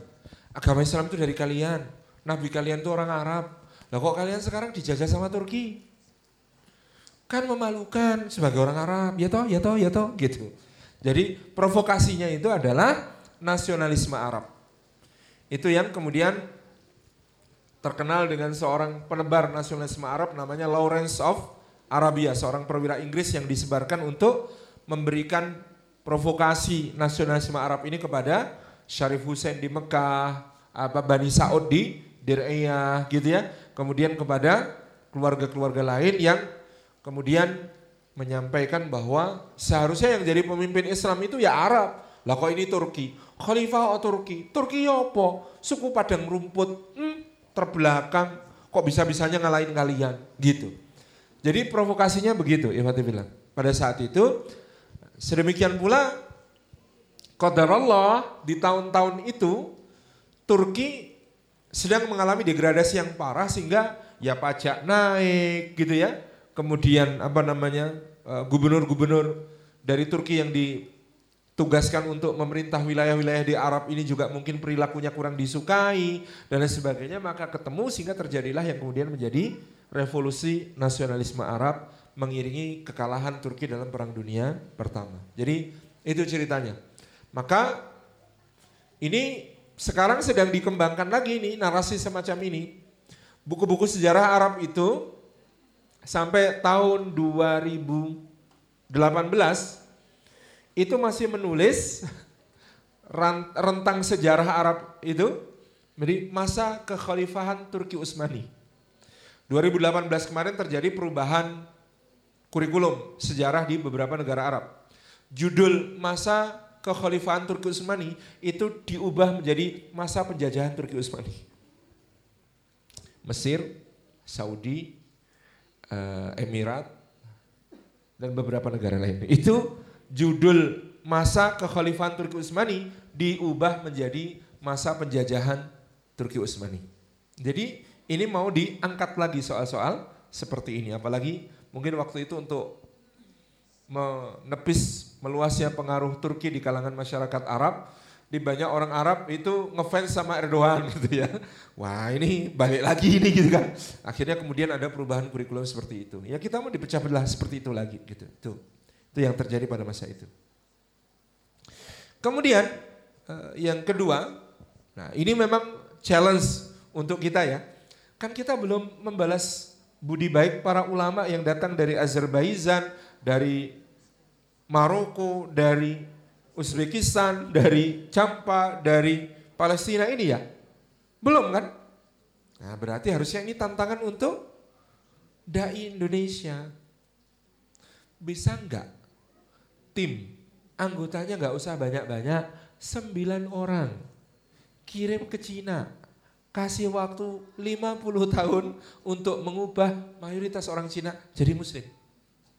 Oh kalau Cina terlalu berat, Jepang. Kalau Jepang berat, Amerika. Kalau Amerika berat, Australia. Australia berat? Mana ya? Hah? Bali. Misalnya gitu. Ini kan tantangan untuk kita gitu ya. Oh, mereka dulu berarti effortnya luar biasa. Ya Anda bayangkan Maulana Malik Ibrahim itu perjalanan dari Mesir sampai ke Gresik itu dua tahun.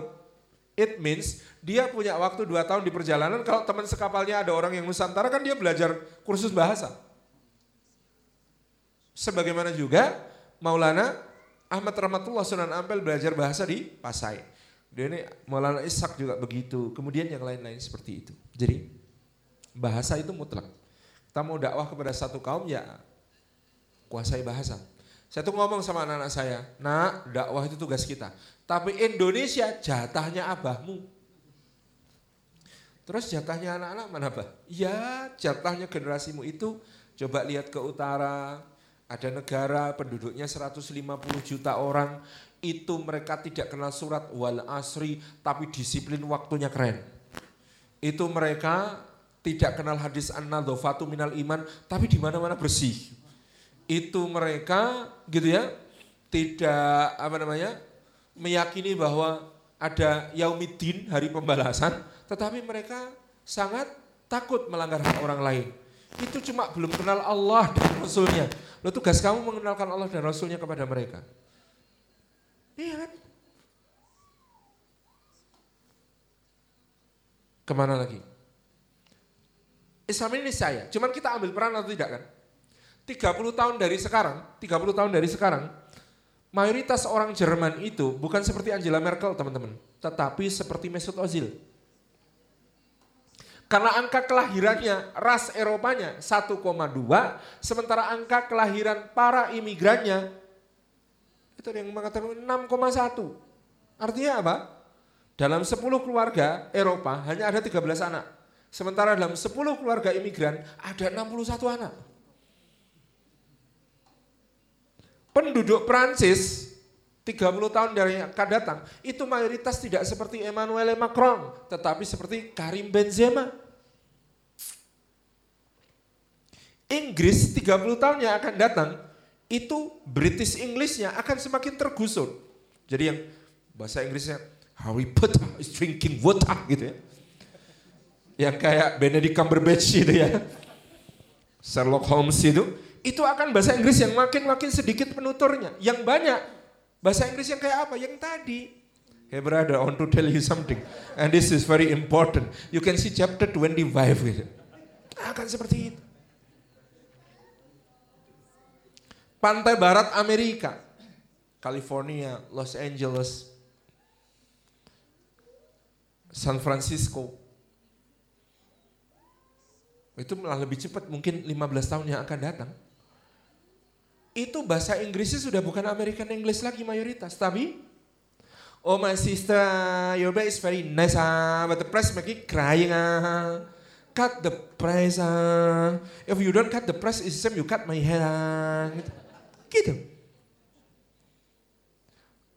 Jadi Chinatown di Los Angeles dan San Francisco itu dalam beberapa tahun terakhir itu meningkat berkali-kali lipat properti-properti di daerah strategis yang punya orang-orang yang alamatnya di Shanghai, alamatnya di Beijing, alamatnya di Wuhan. Serius teman-teman.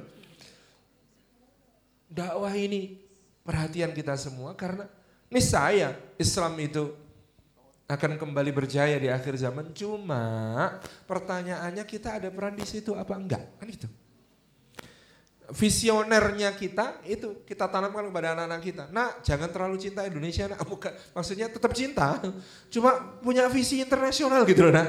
Go international gitu loh, nah. Dakwah ke Jepang, dakwah ke Cina, dakwah ke Rusia, dakwah ke Jerman gitu. Harus. Harus dimulai. Gitu ya teman-teman. Saya itu kalau diundang sama di dakwah ke luar negeri, saya ngomong sama teman-teman diaspora Indonesia di sana, jangan pulang. Kalau bisa kawin sama wanita sini, kalau bisa dakwah di sini, saya selalu mengatakan begitu. Daripada Anda pulang di Indonesia tidak terfasilitasi riset Anda, mendingan di sini kasih rekomendasi beasiswa untuk adik-adik Anda. Why not? Gitu. Tata apa kita tidak patriotis kalau tetap kerjanya di sini? Ya patriotis. Yang penting ada kontribusi untuk bangsa. SPY cara nih. Wong sekarang itu yang namanya ilmu pengetahuan itu open source. Siapa yang mau pakai, ayo, gitu kan? Ya Anda punya paten boleh, tapi sebagiannya diwakafkan untuk ilmu pengetahuan secara umum. Buena. Gitu ya, teman-teman. Makasih. Ini Ustadz ada satu lagi pertanyaan titipan ke saya. Ustadz, kenapa pada saat setelah dijajahnya Indonesia, aset-aset bersejarah kita seperti senjata perang, keris diambil oleh mereka penjajah? Apakah untuk diteliti atau seperti apa lebih jelasnya? Ya kalau penjarahan di 1812 misalnya Raffles itu diceritakan di bukunya Tim Hanigan. Anda perlu punya buku ini supaya ngerti. Saya dulu itu pengagum Raffles. Ini orang kok pinter banget nulis buku History of Java gitu ya. Terus dia sempet-sempetnya berkelana di hutan nemuin bunga. ini orang pinter, slow, intelektual, cendikiawan. Dulu kan saya kagum aja gitu. Terus dia menjadi pendiri Singapura yang sekarang jadi negara begitu modern. Kan kagum-kagum aja. Begitu baca bukunya Tim Hanigan, berbalik 180 derajat penilaian saya terhadap Raffles. Gila ini monster paling mengerikan sepanjang sejarah penjajahan di Nusantara. Dia jajah cuma lima tahun, tapi kerusakan yang dihasilkan melampaui semua gubernur jenderal VOC maupun Belanda yang pernah bertugas di Nusantara. Kalau Anda orang Palembang, baca bukunya Tim Hanigan, nangis Anda. Melihat apa yang dilakukan Raffles kepada Kesultanan Palembang. Saya yang orang Jogja nangis saya baca bukunya Tim Hanigan, melihat apa yang dilakukan Raffles kepada Keraton Yogyakarta. Bayangkan dua minggu penuh, batalion ke-40 Buckinghamshire yang berkekuatan 40 ribu orang itu dibiarkan menjarah Keraton Yogyakarta. Dua minggu full. Itu nyungkeli plafon, nyari emas, nyari berlian, nyari benda-benda berharga, nyungkili lantai marmer, nyungkeli tiang-tiang di keraton sampai Sultan Hamengkubuwono II itu lagi duduk di tahta, todong pakai pistol kanan kiri kepala, kancing baju beliau yang terbuat dari berlian segini-gini, dipretelin rame-rame. Luar biasa yang dilakukan Raffles. Nah termasuk keris-keris terbaik, itu zaman itu kan kerisnya, pendoknya, apa sarungnya itu seatnya itu dari emas bertahtakan berlian-berlian gitu ya wah itu jelas itu diambil itu konsekuensi logis dari kalah perang ya begitu. Tapi kalau Nogo Siluman dari keterangan yang saya baca kemungkinan itu diberikan oleh Diponegoro bukan sebagai tanda takluk. Itu tanda persahabatan hadiah. Karena clearance Jean Baptiste clearance kolonel ini orang yang di Babat awalnya dipuji di Ponegoro karena pendekatannya begitu manis, kayak terpercaya sekali, kayak tulus. Sehingga di Ponegoro itu kalau ada orang meskipun musuh kok tulus, langsung kasih hadiah. Karena dia memprakarsai perundingan dengan dekok. Dan Clarence punya janji kepada Diponegoro yang kemudian diingkarinya yaitu kalau nanti perundingan gagal, pangeran bebas kembali ke bagian barat. Dan itu yang diingkari karena perundingan gagal Diponegoro ditangkap. Padahal Diponegoro sangat percaya kepada jaminan itu. Jadi ya konsekuensi, kalah perang barangnya dirampas. Yang susah adalah penjaraan 1812 yang dilakukan Raffles dilakukan person by person, pribadi-pribadi. Tidak dilakukan oleh institusi. Berbeda kalau pembantaian atau penjarahan dilakukan oleh institusi, misalnya tentara kerajaan atau perwakilan resmi, maka kita punya legal standing untuk menggugat. Saya dulu pernah konsultasi 2012 konsultasi dengan seorang pengacara internasional, apakah keraton Yogyakarta bisa menggugat Inggris atas kejadian 1812?